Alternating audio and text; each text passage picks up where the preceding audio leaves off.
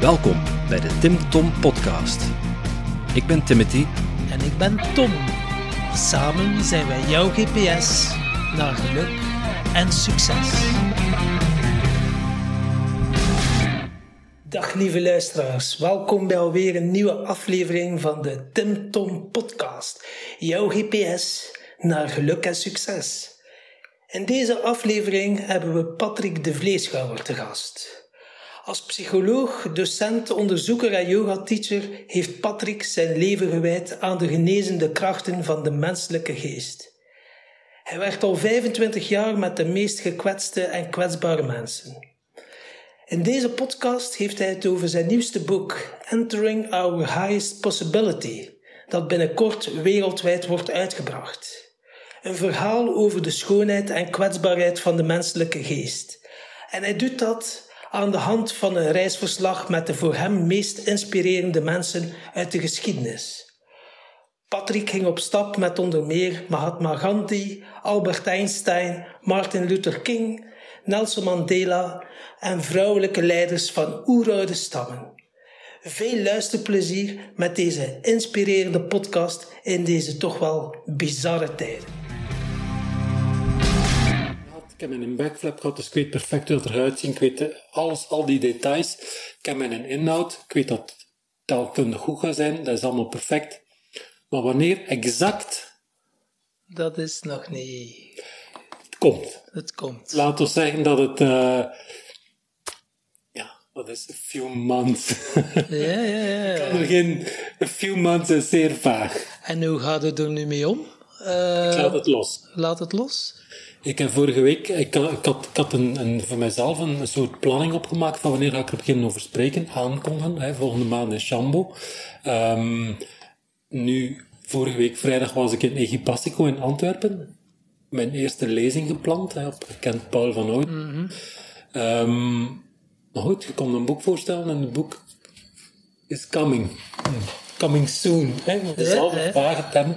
Maar goed, uh, ik dacht van, het is wat dat is ik doe dan maar een pre-boekvoorstelling, whatever. Uh, kon het aan.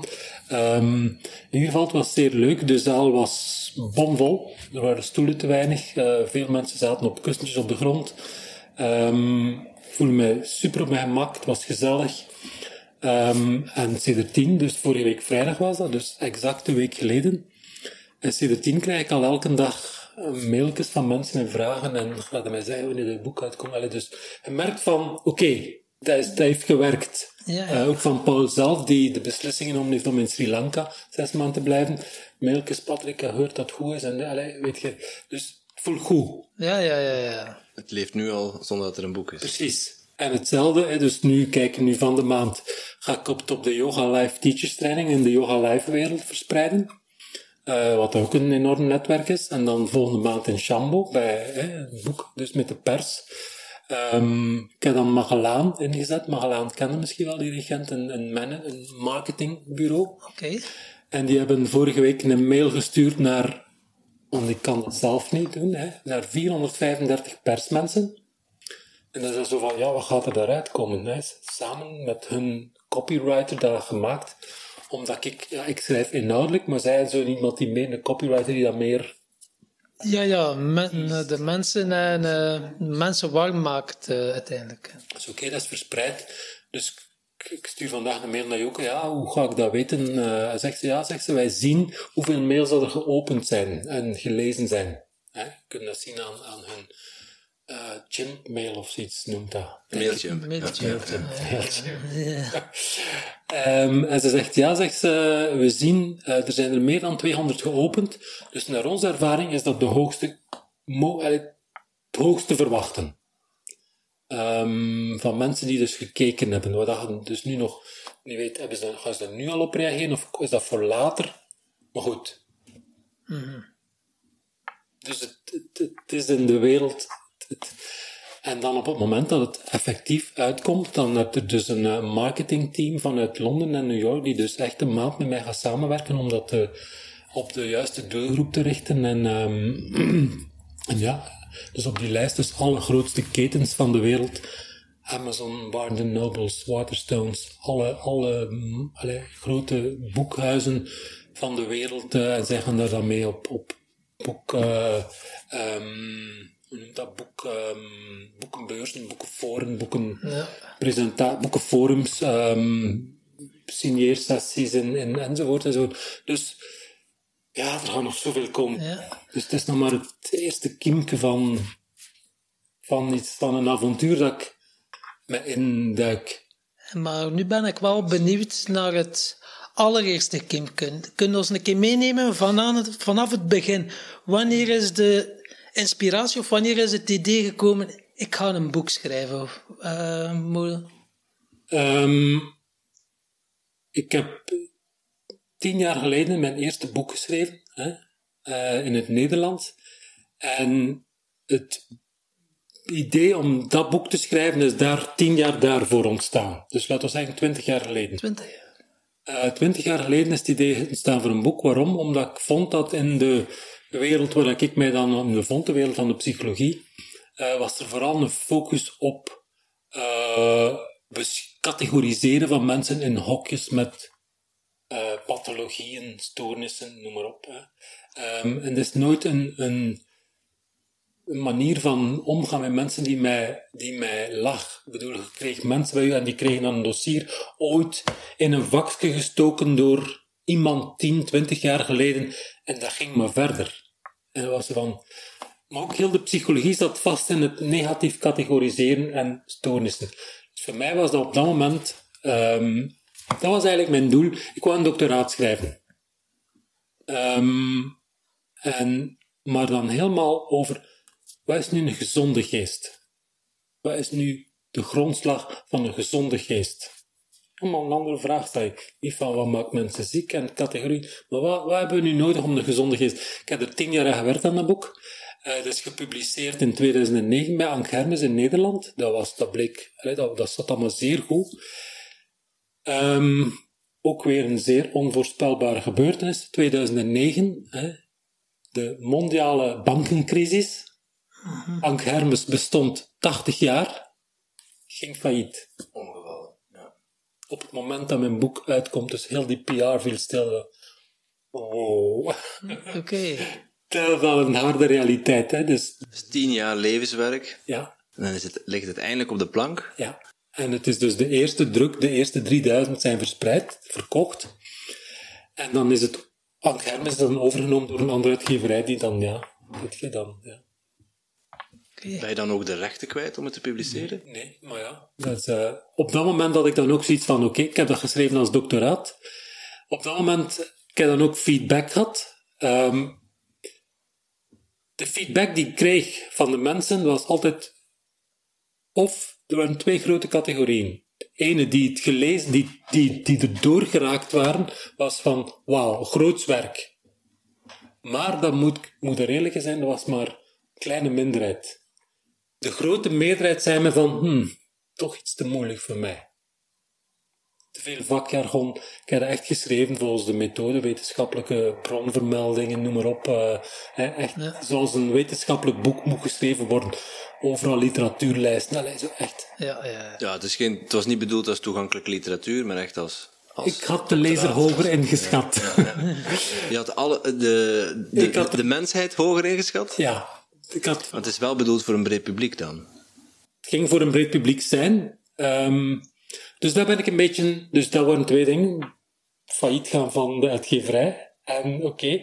En dan heb ik mij voorgenomen van, oké, dat zit goed. Dus op vlak van inhoud, dat zit allemaal goed. Maar ik wil niet meer op die manier verder schrijven. Ik wil like, ook ontdekt van dat de Nederlandstalige boekenmarkt, dat dat zeer klein marktje is. Eh, contracten met uitgeverijen, dat is 90% voor de uitgeverij. En dan op je 10% betaalt je nog uw belastingen. Dus dat is echt. Van boeken schrijven worden niet rijk. Ja. Of tenzij dat je het in eigen beheer hebt. En tenzij dat je echt vanaf 10.000 of meer exemplaar begint te verkopen, hè, dat echt. eh, Dus dacht van, dat ga ik niet meer doen. Dus ik heb mij dan voorgenomen, oké, ik ga een nieuw boek schrijven, ik ga dat helemaal anders doen.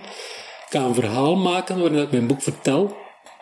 En ik ga, ehm, ik ga het in het Engels schrijven. Omdat je ook dan natuurlijk de wereldmarkt krijgt. Dus in, in het Nederlands taal is 10.000 is echt veel. Dat is al uitzonderlijk. Maar in boeken in het Engels geschreven kunnen, kunnen gerust uh, de ver voorbij gaan. Hè. Dus, dus Ja, dat het was wel... van de wereld spreekt Engels uiteindelijk. Precies, ja. precies. Dus dat was van, oké, ehm, dat is mijn intentie. Dus mijn intent, de lat hoog gelegd. Ehm, en daar uiteindelijk tien jaar aan gewerkt. En dat is mij gelukt. Een fantastische uitgeverij gevonden in Londen, New York. Dus eh, een, een jonge, dynamische uitgeverij, Aston Macaulay. Die, ehm, ze hebben vorig jaar in New York de prijs gehad van de snelst groeiende uitgeverij van hè, de nieuwe uitgeverswereld. Want de uitgeverswereld wordt door een aantal mastodonten bezet, echt eh, reuzen, hyperreuzen.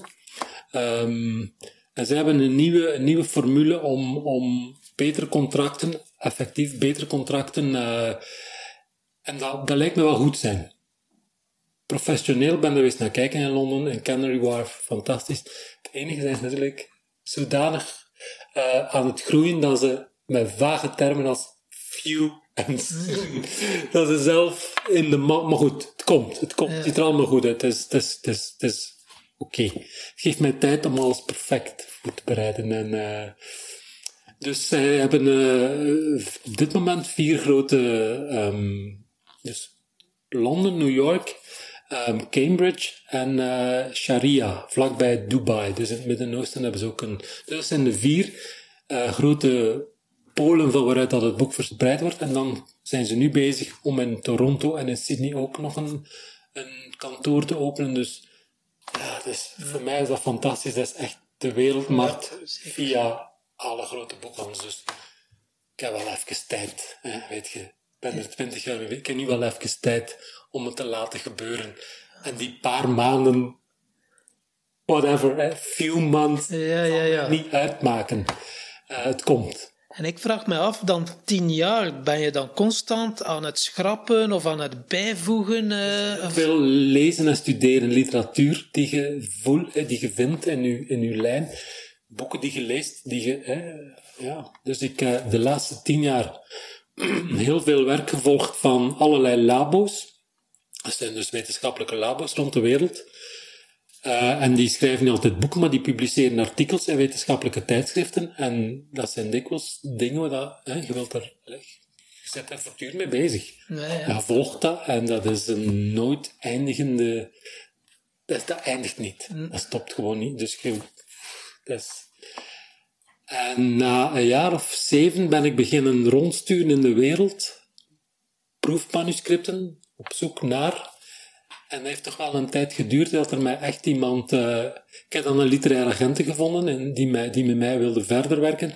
En die is dan uiteindelijk na dat was, dat was mijn literaire agenten voor twee jaar. En die is er uiteindelijk zelf mee gestopt. En die heeft mij dan helemaal met lege handen achtergelaten. Dus dat zijn allemaal realiteiten. Oké. Ik heb het zelf in handen genomen en het is mij dan toch gelukt om Ja, dan heb je al wat hindernissen op je parcours gehad. heel hè. veel hindernissen. Ik heb duizend redenen gehad om het niet meer te doen. Om te zeggen van, waar zijn jij mee bezig? Hè? En van waar die een drive, dat je dat toch niet opgaf. En dat, vragen, ja. Dat is, dat is, weet je, dat, dat is een drive en de kiem van die een drive, die begint denk ik op mijn 16. Dat is een passie. Eh, weet je, ik was 16 en ik zat bij mijn pa aan tafel. Mijn pa zat met zijn vrienden en ik vond op dat moment dat alles wat aan mijn pa met zijn vrienden zei van, dat klopt niet. Dat ging dan over, hoe word je een man? Een man word je door bij het leger te gaan, door veel te drinken. Allee, zo. Alles wat dat zei. clichés. Van, nee. Ik voelde dat aan van, dat klopt niet, dat wil ik niet, dat, wil ik, dat, dat is niet voor mij, dat voel ik niet goed, maar ik had geen argumenten tegen, tegen die mannen natuurlijk. Dacht, ik kan mij toch wel beginnen, eh, ik wil die, da- daar is de passie gegroeid, ben ik beginnen lezen en altijd mij zeer opengesteld, zowel veel filosofie gelezen, psychologie, maar ook veel spirituele bronnen, eh, het oosten, alles, alles, alles, massa's, heel breed beginnen lezen ehm, filosofie gestudeerd en dan uiteindelijk van de vragen die mij bezighouden, filosofie van de 20e eeuw is mij te vaag, is met te veel taalanalyse. Ben ik in de psychologie gedaan, met psychologie verder gedaan. Ehm dat vond ik van, dan de wel, sloot veel beter aan bij mij. Maar als ik afgestudeerd was, uh, bleef ik met de grote vraag zitten van wat zijn nu emoties en bewustzijn? En dat, vond ik heel raar. Van, ja, waar kun je over emoties en bewustzijn studeren dan in, het, in de richting psychologie, zou je toch denken? Dus psychologie, de opleiding, daar komt bewustzijn en emoties komt daar niet aan bod. Nauwelijks. Dat is wel heel apart. Dat is wel heel apart. Je moet weten, psychologie heeft een zeer rare geschiedenis. Psychologie is, is tot in de jaren 80, 70, 80, zeker bij de profs, gedomineerd geweest door het behaviorisme. En behaviorisme die beschouwt de geest als een black box. En die willen wetenschap en wetenschap produceren en bekijken alleen de stimulus en de respons, omdat je dat kunt meten. En hij heeft een zo'n bizarre psychologie opgeleverd. Hè? En bewustzijn en emoties, daar spreekt er niet over. Hè? Het mooiste voorbeeld daarvan is mijn, mijn grote, laten we zeggen, inspiratiebronnen, zoals Richard Davidson, die zegt letterlijk in zijn boeken van kijk, in de jaren 70, ik studeerde af als psycholoog, ik was geïnteresseerd in bewustzijn, en dat was van, als je geen carrière wil maken in de psychologie, dan spreekt het best niet over bewustzijn. Dus hij heeft, hij heeft in zijn, in zijn privéagenda er wel mee bezig gebleven. Hij heeft nu de grootste neurowetenschapper van de wereld, of toch hè.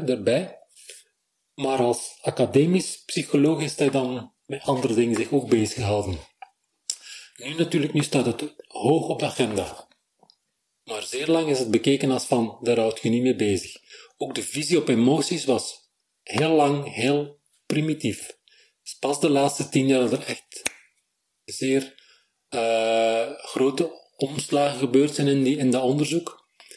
En dat is, dat is wat me altijd gefascineerd heeft om daar mee te zijn. Um, bijvoorbeeld een van de grote boeken die ik in de jaren 90 over bewustzijn hè, zoektocht kreeg, was van Daniel Dennett, Consciousness Explained. Dat was van, wow, nu ga ik het weten. Nu ga ik weten wat dat bewustzijn is. De grootste filosoof. Kan je van een boek, 700, 800 pagina's, echt. De titel verraadt al bijna van, ja, dat is precies wat ik wil lezen. Precies. Hè? Uiteindelijk een volledige verklaring van bewustzijn vanuit de toen opkomende artificiële intelligentie. Vanuit computerstandpunt. Oké. Ik heb dat boek weggelegd en ik dacht van, hmm, misschien ben ik niet slim genoeg, maar hier begrijp ik niks van. En dat is voor mij niet geen antwoord. En uh, later heb ik dan ook van bekendere mensen die dat boek ook van, ja, heeft het weggeexplained. Uh, heeft het niet explained, maar weggeexplained. En dat was ook mijn gevoel. Dus ik, dat, dat, dat, dat, dat is mijn drive geweest van, weet je, is bewustzijn niet voor mij, zo voelen dat voor mij aan, dat is gewoon alles voor mij. Zonder bewustzijn is er niks. Dus bewustzijn, wat is dat in godsnaam? En het is raar dat de westerse psychologie daar geen, nauwelijks een antwoord op gaf. En als je kijkt, nu vandaag de dag, dus hè, eigenlijk 2019 om exact te zijn, ik ken iemand die zeer goed weet wat dat er in de Europese fondsen met wetenschapsgeld gebeurt, toevallig. Hè. En die vertelde mij van, kijk, het grote geld op dit moment in Europa gaat naar breinonderzoek. Hè? Uh, dat is blijkbaar de grote, de, grote, de grote inzet van het onderzoek. Ah, de European Brain Project. Wat, wat, gaan die mij vertellen over bewustzijn? 2019. Consciousness is still the biggest mystery for science. Maar dat klopt niet, want uiteindelijk kijkt je dan in het oosten de Boeddha, Patanjali, is al 2500 jaar met bewustzijn bezig. En die hebben er God voor veel over gezegd. en die weten daar veel over. Hoe komt dat dat dat niet in ons westerse psychologie opgenomen is? En wat denk jij?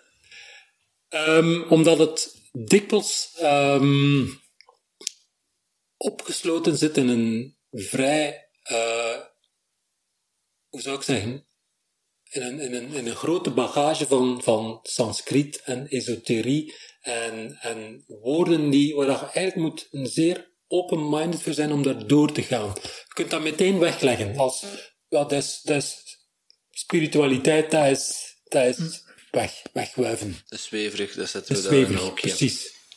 En dat is ook altijd wat ik gehoord heb toen, ik ben van mijn twintig jaar bezig met yoga, van, dat is zweverig. Voor mij is yoga het meest aardse wat er bestaat. Wat is yoga? Yoga is in uw lichaam, hier en nu, in uw eigen geest, op zoek naar uw diepste zelfkennis, hier en nu. Wat is er aardser? Natuurlijk, ik kan me best voorstellen van waar dan die vooroordelen komen als je een Hare Krishna-secte bezig ziet die eh, ook over yoga spreekt en, en heel de dag door Hari Rama aan het zingen is. Ik kan me best voorstellen dat dat... Hmm, dat, dat hoeft niet voor mij.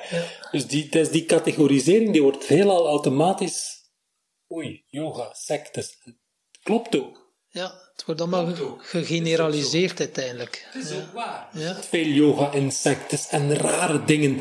En al die yogamannen op, op spijkers en rare... Ik bedoel, maar dat zijn maar de... Weet je? Dat zijn de die die aan de Ganges een aalmoes willen. Dat is geen yoga. Allee. Ja. En dat heeft daar een muur rondgebouwd van...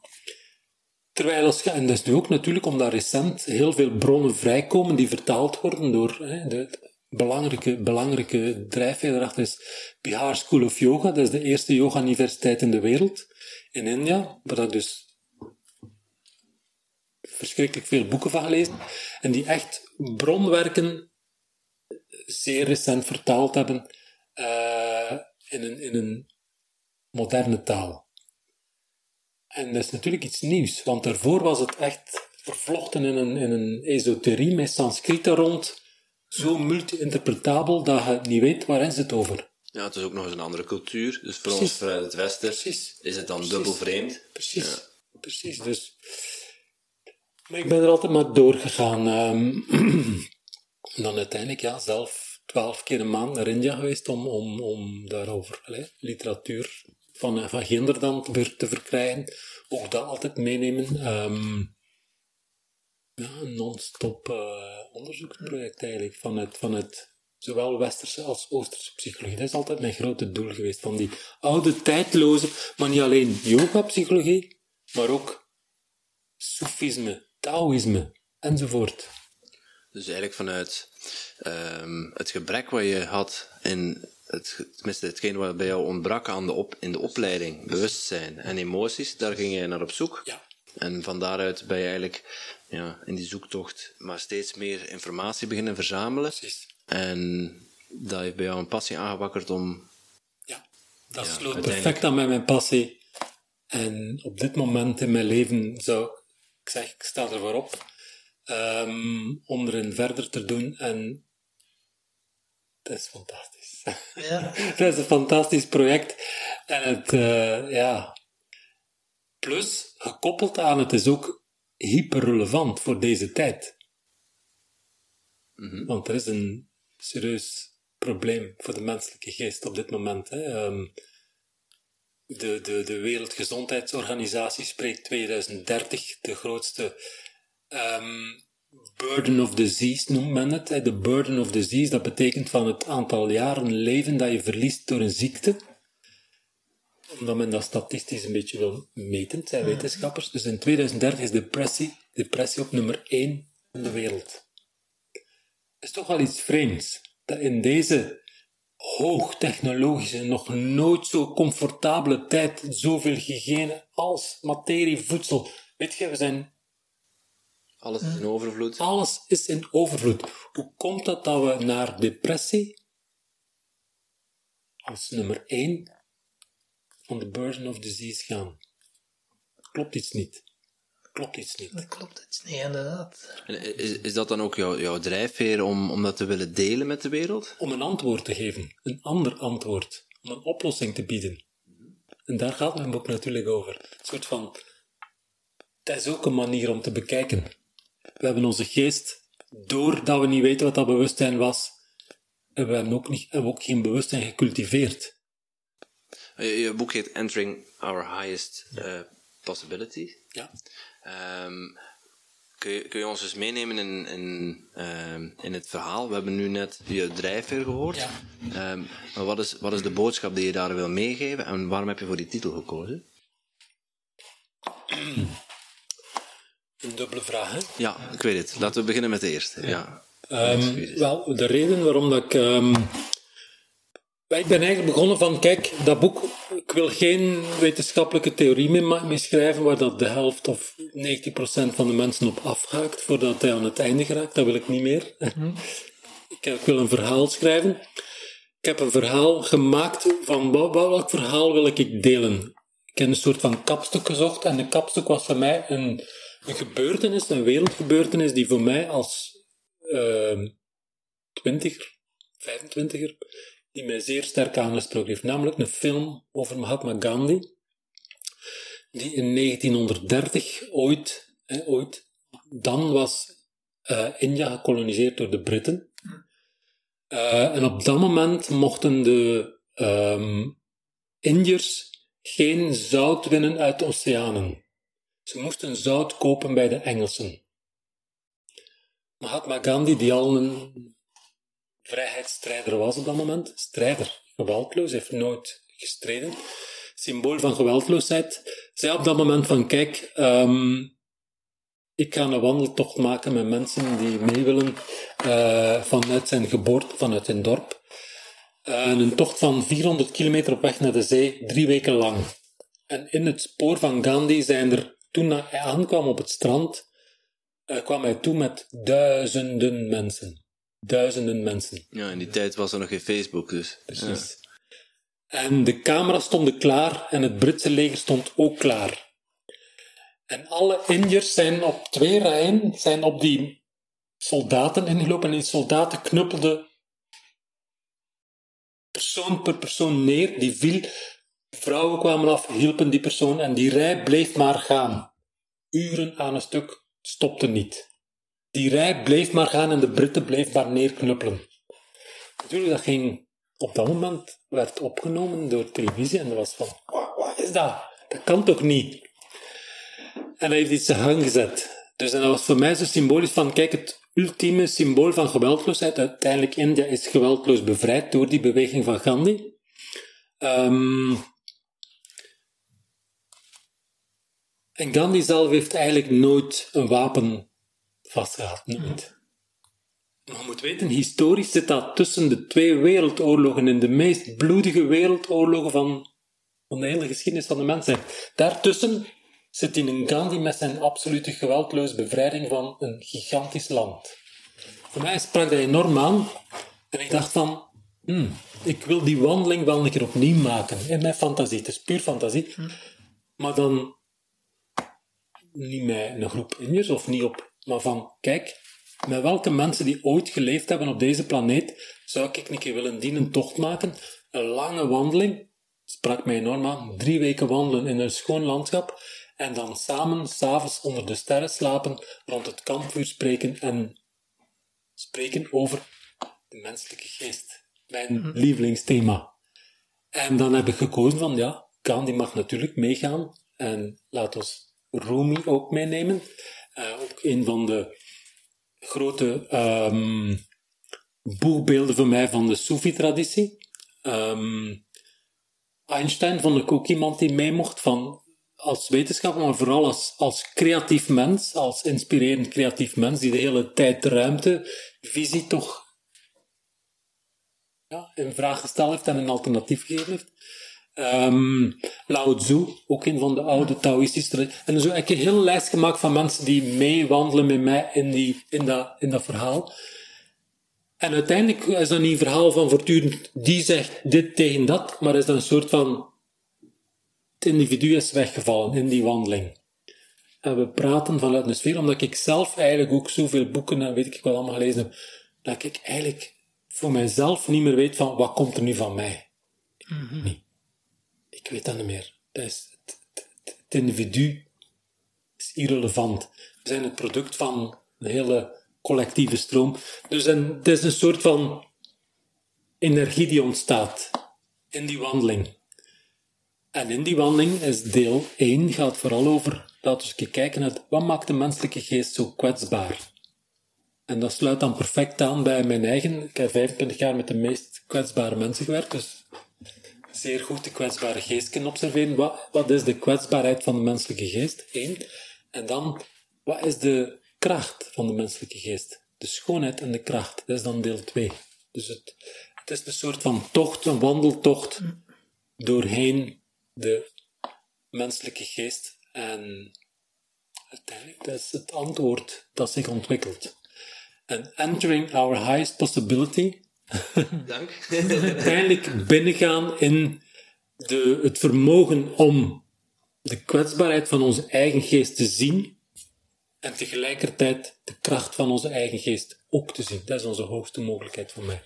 Die kwaliteiten, die zijn volgens mij, kan je zeggen, niet aanwezig, Ehm, maar zeker niet mainstream. En ik denk dat dat, die twee kwaliteiten, die twee potenties die we in ons hebben, die aan te leren zijn, net zoals we kunnen leren rekenen en schrijven, kunnen leren kijken naar hun eigen geest. Het wordt niet gedaan, dus het wordt ook niet geleerd. Ehm, kan dat een fundamentele transformatie teweeg brengen in... En kunnen we misschien wel vermijden dat depressie de nummer één van de wereld wordt. We gaan niet in depressie geraken op die manier. Depressie is eigenlijk ja, passief omgaan met je pijn en met je angst. Depressie is werkelijk vastzitten in een, in een, in een hele vernauwing van je eigen... Het is zelfs geen denken en emotie meer, het is een stemming geworden. Een stemming waarin dat je vastzit. En de, in een diepe depressie, de verdere stadia van die depressie zijn dan psychose. Hè, dat er zelfs geen contact meer is met de werkelijkheid. Afgesloten van de werkelijkheid. Dus mensen leven in hun eigen stemmingstrechter, zouden we kunnen zeggen. En En als ons... ik over spreek, sorry dat ik je. Nee, is een, een soort van preventief medicijn. Dat is natuurlijk wel dat de farmaceutische industrie niet graag Mm. ook. Die, de reden waarom dat ze 60% van al het wetenschappelijk geld aan breinonderzoeken is om medicatie te produceren voor Alzheimer-patiënten en depressiepatiënten. Ja. Dus een preventief medicijn is. hmm, hmm, hmm. Maar daar, dat bestaat. En van onze luisteraars die nu bijvoorbeeld met wat depressieve gevoelens zitten, heb je concrete tips eh, dat je kunt meegeven van kijk, begin met dat we dan ze vandaag al mee kunnen beginnen bijvoorbeeld? Concrete tips zijn van, wel, het is natuurlijk niet zo'n snel, snel antwoord, maar dat is uiteindelijk leren, en dat is de eerste stap eigenlijk, een soort van meta-bewustzijn ontwikkelen, waarbij dat we leren aansluiting vinden bij ons lichaam. Dat is de eerste stap. Misschien is dat stap 1. Terug ons lichaam voelen. Veel mensen leven los van het lichaam. Zijn niet meer, voelen niet meer. Ehm, dat is ook een beetje het eigene van de explosie van mensen met autisme en ADHD. Weet je, dat is een, een overcategorisering. Maar veelal zijn allemaal mensen die inderdaad het, het gevoel van hun lichaam, het gevoel van hun leven verloren zijn. Dus dat is stap 1. En dat is concreet, dat is yoga natuurlijk. Dus yoga is terug aansluiting, contact maken terug met uw levende lichaam. Dat is stap 1, kort gezegd. En dan kijken wat, dat er, wat zijn die mentale bewegingen in onze geest. Eh, Ook die, meestal worden mensen geabsorbeerd door die bewegingen en, en zitten ze erin. Zitten ze er binnenin. Maar het vermogen ontwikkelen stap per stap via dat lichaamsbewustzijn om toch te leren kijken naar die bewegingen. En om te leren van, je die bewegingen niet.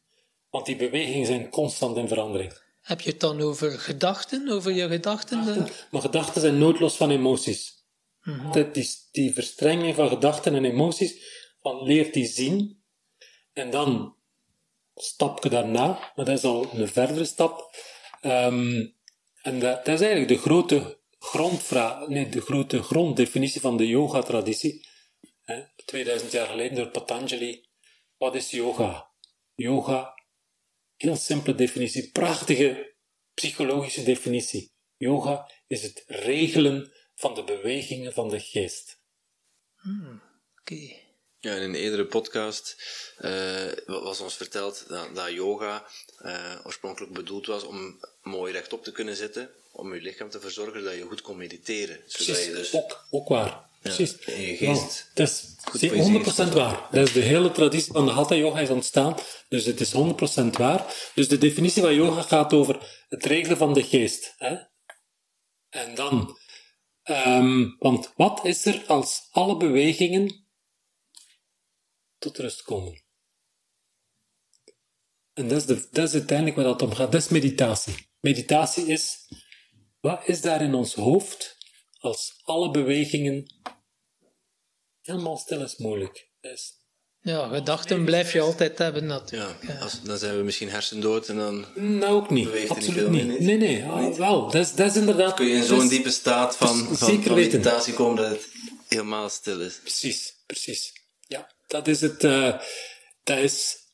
ehm, ben er van de zomer tien dagen bij Alan Wallace geweest in de Universiteit van Wales. En dat is iemand die 50 jaar de, de grote wereldexpert in meditatie is. Ehm, maar dat is niet voor de westerse mens weggelegd. Dat is niet combineerbaar met gewone levenswijze. Dat is dus te hoog gegrepen. De volledige stilte van de geest en de ervaring. Weet je, dat is de, de traditie van de yogis die dan zes maand, dat is dan zes maand retreat. Hè? Oké. Dus non-stop, bijna non-stop. Echt een leven maken van die geest stil te krijgen en daar dan mee naar buiten te komen.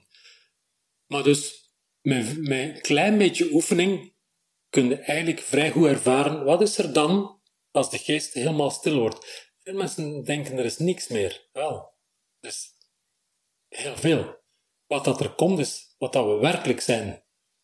Voorbij alle constructies van de gedachte. En wat we werkelijk zijn, is die transformerende kracht. Een transformerende kracht. Een kracht die alle gedachten, alle emoties transformeert. Transformeren tot. Tot een hogere mogelijkheid. Het transformeert ze tot meer verbondenheid, omdat het uiteindelijk voorbij alle categorieën gaat. Voorbij al die mentale bewegingen zijn de categorieën stoppen. Onze automatische categoriseringen stoppen. En dan kom je in een aansluiting bij een soort van natuurlijke wijsheid. Is dat dan de universele bron? Kunnen we het zo zeggen? Dat je dan uiteindelijk het ego overstijgt het ego, waardoor dat je verbinding hebt met alle materie en alle, en, eh, alle energie rondom ons. Met alle, dat weet ik niet, maar Ah, ja, of een staat van verbinding. staat van... Omdat je gaat naar een staat, hè, de, de staat van het denken is altijd een soort van afgescheiden dualisme. Je gaat naar een non-dualistische staat. Een staat waarin dat er geen afscheidingen zijn. Die ervaring, die ervaring is in alle meditatietradities rond de hele wereld.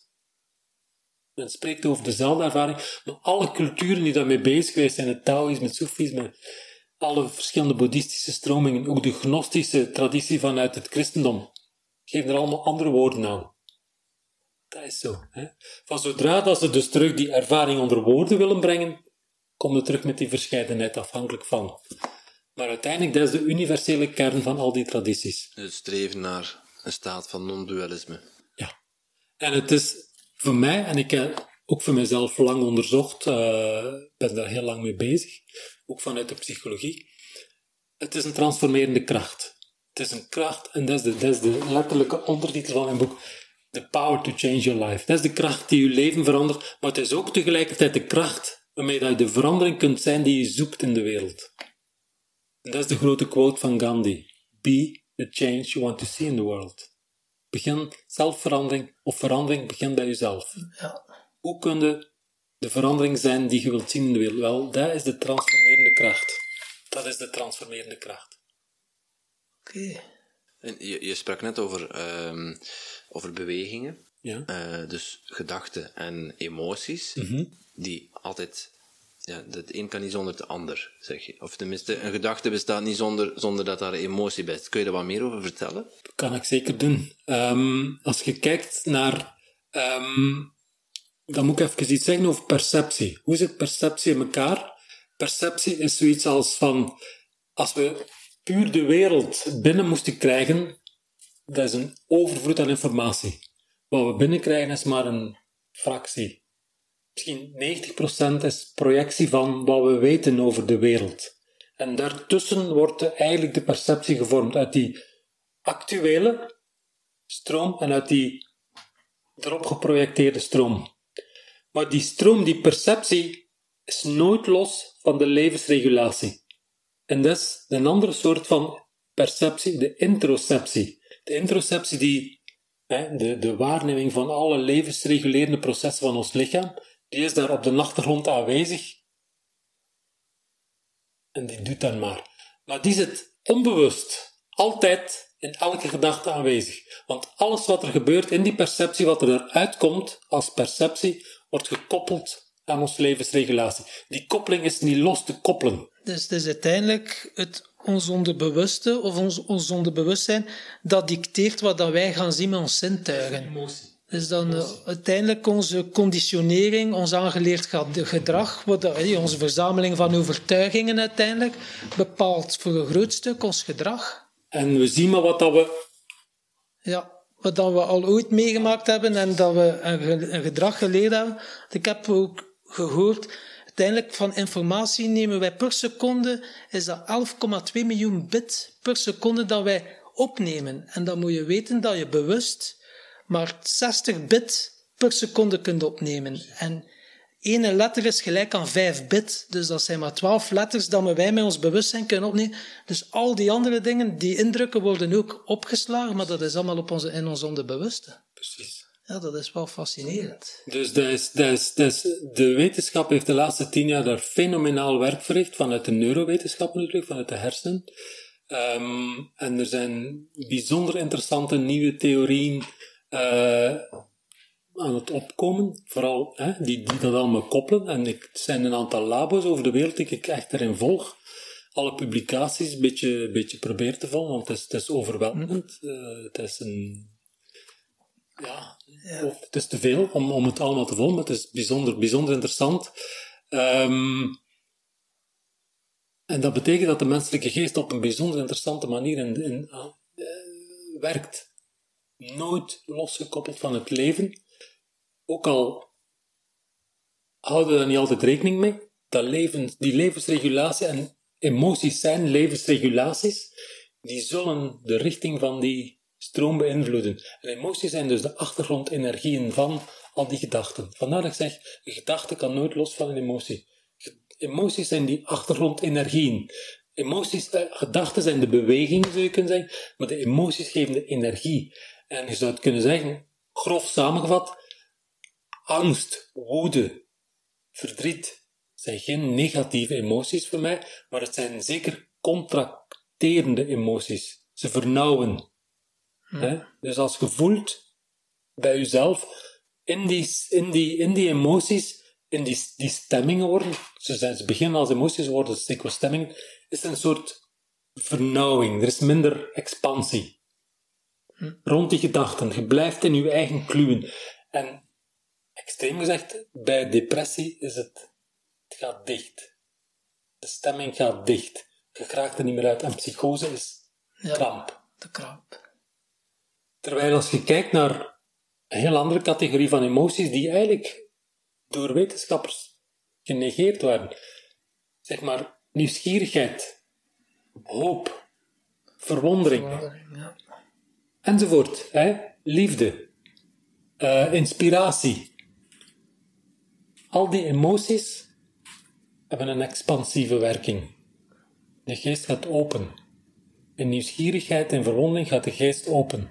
En dan is er diezelfde verbinding tussen emoties en gedachten, maar een heel andere, expansieve. Daarin, daarin, dat, die kramp kan niet gebeuren. Dat, is de, dat zijn de emoties van meer leven, uiteindelijk. Precies, precies.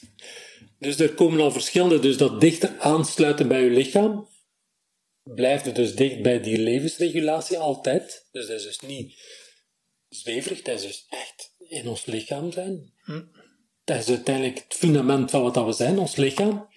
100 triljoen cellen die moeten geregeld worden. Hè. Um, daar kunnen we niet uit. Daar kunnen we niet uitstappen. We kunnen niet uit dit lichaam stappen. Dat is er. En dat wordt geregeld. En dat is interoceptie. En dat wordt gekoppeld aan ons exteroceptie. Exteroceptie? Is de perceptie van de buitenwereld. Ja, ja. Dus er is ja, veel over te zeggen, maar ja. bijzonder ja, boeiend. Inderdaad, in onze podcast, we hebben uh, ons format is ook altijd dat we de vorige gast stelt altijd een vraag. Normaal gezien beginnen we ermee, maar het was zodanig interessant dat we het even een andere volgorde hebben. En uh, hij vroeg hem af, Welke persoon zal je zijn binnen dit en een jaar? Een jaar. Eh, binnen een jaar moet mijn boek zeker gepubliceerd zijn. Hè. Dus, dus soon, soon kan geen jaar zijn. Hè. Few, a few months kan ook geen jaar zijn. Dus mijn boek gaat er zijn. Dus ik ga mij in de wereld gooien in een eh, avontuur. Dus mijn, mijn leven gaat ongekende richting uit. Ehm, en ik sta er, ben er volledig klaar voor. Dus ehm, ik denk mijn, het komende jaar ga ik een nomade zijn. Oké.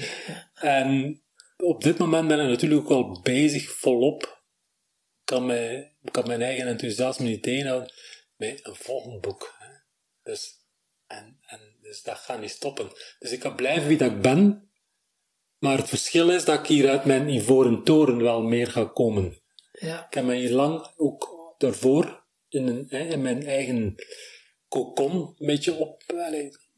als, ik heb lang gewerkt als psycholoog met mensen, dus ik heb ook heel lang op de werkvloer gestaan, dus ik heb daar ook niet, eh, niet buiten de wereld gestaan, ver van. Midden in de wereld, met mijn twee voeten. Maar dus de toekomst is dus echt wel eh, ja, een, een verdere groei van waar ik mee bezig ben. Een soort boodschapper. Eh, Of, of het aan zoveel mogelijk mensen. Ik heb, mij, ik ben 25 jaar bezig geweest met het proberen van oplossing brengen, zoeken. En ik ga die boodschappersmissie verspreiden. En ik hoop dat ik daar de kans krijg door de pers, dat ik daarmee in debat kan gaan met andere mensen die... die, die en eigenlijk een soort van ehm, preventief medicijn. Dat is eigenlijk het grote ultieme doel, moest ik aan een ultiem doel, dat de zorg, mentale zorg, op de agenda komt. Want nu is het uiteindelijk maar pilletjes geven als het er is. Maar preventieve mentale zorg, dat dat op de agenda komt. ja, dus nu is wel wat. Ja, zo wat struchtere pogingen, zo een keer naar mindfulness en zo. Maar Bijvoorbeeld een keer op school. ik- ja, Het woord is gekend. ja, ja. Maar ook wat mindfulness is de opvatting, oké, John Kabat-Zinn, being present in this moment, with no judgment, enzovoort. Het is zo het topje van de ijsberg. Er is Ja. zoveel meer eronder. Ja, ja, ja. Dus mentale zorg, daar gaat het over. Ik zou mentale zorg hoog op de agenda willen zetten. Stel dat je een ministerportefeuille zou krijgen voor eh, welzijn. Wat zou de eerste acties zijn dat je zou ondernemen? Ik ga moeten met de farmaceutische industrie in discussie gaan. Want die gaan zeggen, oei, die... Maar nee, ik denk dat er genoeg ziektes zullen blijven omdat ze hun geld kunnen mee verdienen. Ik denk dat er veel te snel gegrepen wordt naar, eh, naar, naar, naar allerlei pilletjes, hè, weet je. Ehm, het is een markt voor Ritaline, hè. Ja. ADHD-pilletjes, studenten nemen ze. Het is een over... Hey, ze worden veel te veel voorgeschreven. Dus ik denk dat er dan een verschuiving zou kunnen zijn naar mensen die coaches en, en lesgevers in mentale zorg. Dus dat de hele farmaceutische industrie kan naar een preventieve, preventieve zorg overgaan. Het is gewoon een andere manier van denken uiteindelijk. Hè? Denken. Ja. Want het kost uiteindelijk ook ons maatschappij bijzonder veel als je hoort dat een gemiddelde burn-out mens, iemand die burn-out gediagnosticeerd wordt, die acht maanden thuis is, Ja, kost veel aan ons maatschappij. Kost geld. dat klopt. Ehm, dus preventief denk ik dat er daar heel veel waardevols in zit. En ik denk dat dat eh, niet alleen de een grote boost zou zijn voor onze mentale gezondheid, zodanig dat we de Wereldgezondheidsorganisatie en statistische voorspellingen kunnen teniet, maar dat zou mijn doel zijn. Laat het ons niet waar worden. Want ik vind dit leven en deze planeet veel te bijzonder om dat zo te laten worden. Allee, om dat zo te laten groeien. Dat zou zo spijtig zijn dat we, Klopt inderdaad. dat, we dat... eh, dus vermijden dat dat gebeurt. is misschien wel al zo'n beetje een sprankeltje hoop, omdat je wel ziet van eh, de yoga-scholen uh, poppen ook op. Je vindt zo. Tien jaar wat dat er veranderd is in de yogawereld. Hè? En dat is een duidelijk, een duidelijk signaal voor mij was tien jaar geleden ons eerste teachers training in Shambo. Acht mensen. Zo van, kantje boordje. Oké. Nu op dit moment zijn er zoveel verschillende teacher trainingen die bomvol zitten in heel Europa, in heel de wereld. Dat is echt een explosie. En al die teachers gaan ook een yoga-studio openen, geven ook yoga. Dus het is een, een explosie van die verbinding met ons lichaam. Dus het is al, het is al aan het rollen. En mensen gaan ook meer gaan zoeken, uh, was uh, hypnose. Ik ben nu al hypnotherapeut, waarom dat je ook veel sneller dingen kunt veranderen, omdat je wel met het onderbewuste gaat communiceren. En, uh, een preventief medicijn. En je gaat inderdaad de trauma's weer laten op een, in een veilige omgeving laten beleven en met andere ogen laten kijken, waardoor dat die emotie er vanaf gaat. En, dan kunnen mensen verbeteren natuurlijk. Precies, mensen hun eigen potentie ja, uh, ontwikkelen uiteindelijk. Hè. Daar gaat het om uiteindelijk, mensen hun eigen potentie. We hebben, we hebben dat, we hebben dat vermogen. Mm.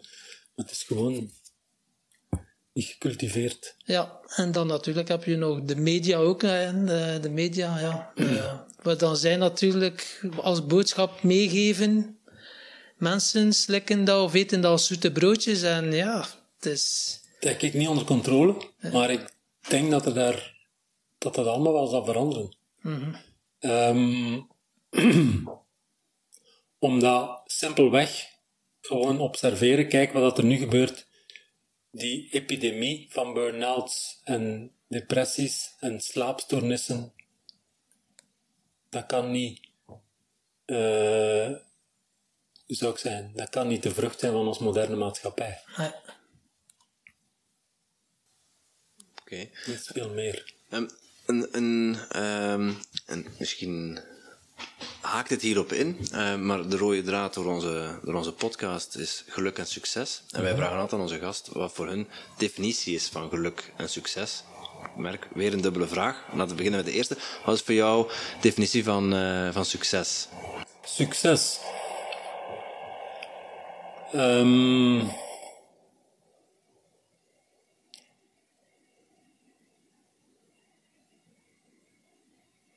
Ik denk dat je succesvol kunt zijn als je de passies, de sterktes die je in je eigen leven van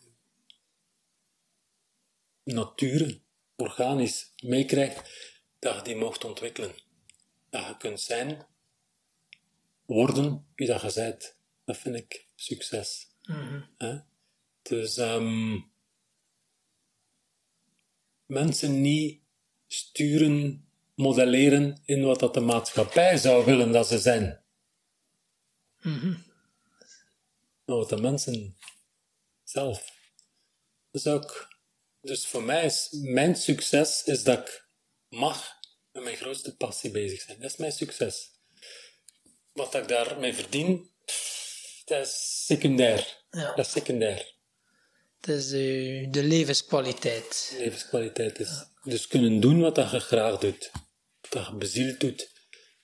Dat je vanuit... Dat is een woordje, ook een woord met veel betekenissen, connotatie, maar de ziel. Bezield kunnen zijn. Misschien is dat mooi gezegd. Bezield kunnen zijn. Ja, dat is heel mooi gezegd. Ja. Succes is voor jou bezield kunnen zijn. Mijn ziel tot expressie kunnen laten komen. Ja. Dat is nog Ja. beter. Ja. Ziel tot expressie kunnen laten komen. Ja, dat is Mooi succes. gezegd. Dat is mijn succes. Ja. En dan, ja, Ja, en wa- en wat is eh, voor jou geluk? denk de ervaring daarvan. Ja. De ervaring van dat, weet je, mijn geluk. eh, als ik in Shambo een yogales gegeven heb, een uur, een uur, een half, en dan zie je 15, 20 mensen, en je ziet ze binnenkomen, sommigen lopen, sommigen nog wat. Hè. Ze hebben moed om vijf minuutjes stil te kunnen blijven zitten. In het begin ziet zo, hè, je ziet dat van vooraf, nog te krabben, nog rond te draaien, nog te schuren op een matje. Het is moeilijk. Dat lichaam stil krijgen, die geest, oh, helemaal nog niet. Maar na een uur, een uur, een half, voelen van, oké, je hebt het in een lichaam gebracht, je hebt dat lichaam geopend met bewegingen. Zie ze dan liggen in die uiteindelijke ontspanningshouding, vijf minuutjes in een uur, tien minuutjes in een uur, een half les, en dan ziet je daar iedereen stil liggen. Ja. En dan zeg je van, ja, iedereen mag zich langzaam beginnen bewegen, en dan zie je zoveel nog geen goesting hebben om zich te bewegen. En dan komen ze zo langzaam aan recht, en dan zie je van, ah, weet je, het is geluk. Zien je mensen terug dicht bij, zich, bij hunzelf kunt brengen. Mooi. Bij hun eigen ziel. Ja. Dus dat is dan eigenlijk misschien ook in deze, hè, voor mijn succes, mijn eigen ziel tot expressie kunnen brengen. Geluk is dan zien dat mensen kunnen aansluiting krijgen bij hun eigen ziel. Wat dat ziel ook betekent, weet je? ja, het is een... Kunnen we dan ook discussiëren. Dus Maar het gaat wel over een zeer belangrijke menselijke essentie. Ik zou zeggen, voor mij is de ziel de menselijke schoonheid in ons. En die is er. Zeker. De mens is bijzonder mooi van binnen. Ehm, dus ik geloof in de natuurlijke goedheid van de mens. Dat is een mooie gedachte. Ik geloof daar 100% in. En uiteindelijk is het ook wel zo. Hè? Als je wordt geboren, dan ben je die pure schoonheid. Maar vanaf dan er zich mensen mee gaan moeien, word je geprogrammeerd. Hè? Je wordt geboren zonder besturingssysteem en dan van, 0, van je 0 tot je 7 ben je in een leerstaat. En dan word je geprogrammeerd door je ouders, leraars. En dan is voet 90% van, is je, van gedrag is dan al gevormd. Eén je drie jaar bent, weet je al niet meer. Hè? Is het al, zijn al gekneed. Ja, je unieke kleur wordt geboren met een unieke kleur, maar je gaat er altijd verder, verder vanaf. En dan is het wel, kost het heel veel tijd en moeite om terug weer naar je kern te kunnen gaan. Bijzonder, bijzonder. Weet je, ik heb altijd, van mij, ik heb altijd veel met, met, met kunst bezig geweest. Ik heb dat lang laten liggen, maar dat was mijn grote droom. Ik heb dat, ben dat weer terug aan het opnemen, omdat ik nu wat meer tijd heb. Maar mijn, mijn dochterken, voor haar zes jaar, vond ik van, wat dat zij maakte in haar tekeningen, met haar potloodjes, dat was voor mij de kunst die ik als volwassene zocht. De, de, de pure expressie nog, de, de, de zuiverheid. Omdat er bij mij altijd iets, iets in zat die, dat ik gezien had, ergens. En die zuiverheid bij haar, wauw, was van, dat is kunst, dat, dat, dat zou ik willen kunnen terug. Ja, Dat kon ik niet. En toen ze zes jaar was, of zeven, ging ze naar het eerste leerjaar en moest ze van de juffrouw leren tekenen. En de juffrouw zei, nee, je moet dat zo doen. Je moet zo iets tekenen. Ze heeft nooit nog een potlood aangeraakt. Want de juf vindt dat niet goed. Vindt dat niet mooi zoals ik het doe. Ja. Begrijp je zo? Zo is dan die overtuiging geïnstalleerd en eh, ja, Terwijl voor mij was ze zij, op dat moment, dat was wat ik naar uitkeek. Ik heb me nu een boek gekocht, de notebooks van Leonardo da Vinci. Die schetsen, die puurheid, dat had zij van nature. ja, En ik, ik heb er zo naar gezocht, heel mijn leven. Ik heb nooit bereikt, die puurheid. Weet je, omdat altijd zo geconditioneerd bent. Misschien wel voor je zes jaar. Die tekening heb ik nooit meer van. dus ja, dus, ehm, dus, dus er zit iets, er zit iets, als je een mens laat een mens zijn. Maar ja, En iedereen ja, heeft zijn eigen unieke talent, maar in school moeten ze allemaal in het gareel lopen en ze moeten allemaal goed in wiskunde zijn en in dat zijn. En, dat alleen al, hè, dat we zoveel uur per week wiskunde moeten doen. Ook zoveel, iedereen van ons, zoveel wiskunde. Maar ik, heb nooit, nog na mijn 20, 18 denk ik, nog ooit een integraal en een differentiaal. Hè, want mijn vak, in psychologie, moet de statistiek doen. dat is het vak waar alle psychologen meest moeite mee hebben natuurlijk. hè. Ja, natuurlijk. Want je kiest voor een menswetenschap en je kiest... Ja, Dat dat is statistiek. ja, ja, ja. ja, ja. Be- Beter hadden ze u wat geleerd over de emoties en bewustzijn. Vind ik wel. Vind ik wel. Vind ik wel. Dat was zo. Dus, ehm ja, die dingen terug op de agenda zetten is voor mij succes. ja. Ja. Mooi. Mooie definities.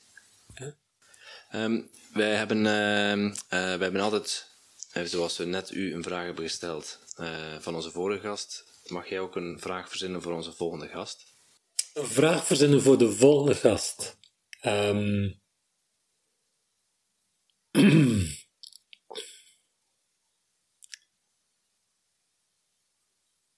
Wat is de verandering die je zoekt? Oké, benieuwd naar het antwoord. Ja. Simpel. Ja, ja de, de vraag kan simpel zijn, maar wij zijn altijd vooral benieuwd naar het antwoord. Precies. En eh, we gaan nu verder het gesprek beëindigen. Het was heel boeiend. Is er nog iets wat dat je, waar dat we het nog niet over gehad heb, hebben, dat je graag nog zo...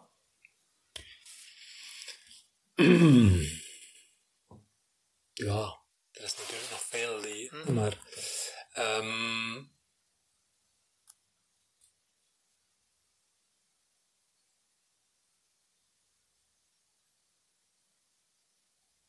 ja, ik zou eigenlijk mensen willen, hoe zou ik zeggen, willen meegeven van we leven in geen gemakkelijke wereld, maar er is, er is, er is echt hoop. Er zijn echt goede dingen aan het gebeuren. En misschien worden ze overschaduwd door de media die zich op de Trumps en de Poetins en de Assads enzovoort focussen. En, maar alle eh, moeders die in alle stilte zorg dragen voor hun kinderen, die nooit in de media komen, die zijn er veel meer dan die mannelijke dictators hè, enzovoort. Dus, dus ik denk, het is, het is een beetje herbekijken. Op dit moment wordt er in, in gezinnen, maar wat, wat krijgen we in de kranten te lezen? Een gezin, ruzie in een gezin, moord enzovoort. Maar er zijn zoveel gezinnen die niet in de media komen, dat het fantastisch is. Dat is ook weer allemaal perceptie. hè. Perceptie. Perceptie. Er zijn met hoeveel? 7 miljard. En dan inderdaad, heel raar, dat de krant altijd net voldoende staat erin. Dat is precies, nieuws past er altijd juist in. Dat is precies dat er maar dat van nieuws is. Hè. Er is nooit minder nieuws of meer nieuws. Elke keer 38 bladzijden. Ja. Dat is wel grappig uiteindelijk. Hè. Ja, dat is waar. Ehm, om, om af te sluiten, ehm, waar kunnen mensen meer informatie vinden over, eh, over jou, Patrick? En waar kunnen ze eventueel terecht als ze geïnteresseerd zijn in jouw boek? Ik heb een website eh, door mijn zoon recent gemaakt. Simpel, dvpatrick.com. Met CK? Ja. Patrick. Met dvpatrick.com kun je alles vinden, mijn adres, telefoonnummer, eh, social media, connect, alles. alles. Dus daar zal er ook exact aangekondigd worden eh, waar dat ik lezingen geef. eh, eh, exacte datum van mijn boek, Ja. publicatie. Soon. Coming Ja, soon. dus luisteraars, profiteer er nog van, want nu is het nog een nobele onbekende, want binnen eh, zes maanden kan dat wel helemaal anders zijn. ja, wie, Mooi zo. wie weet. Goed, dankjewel. Dank je wel, Patrick.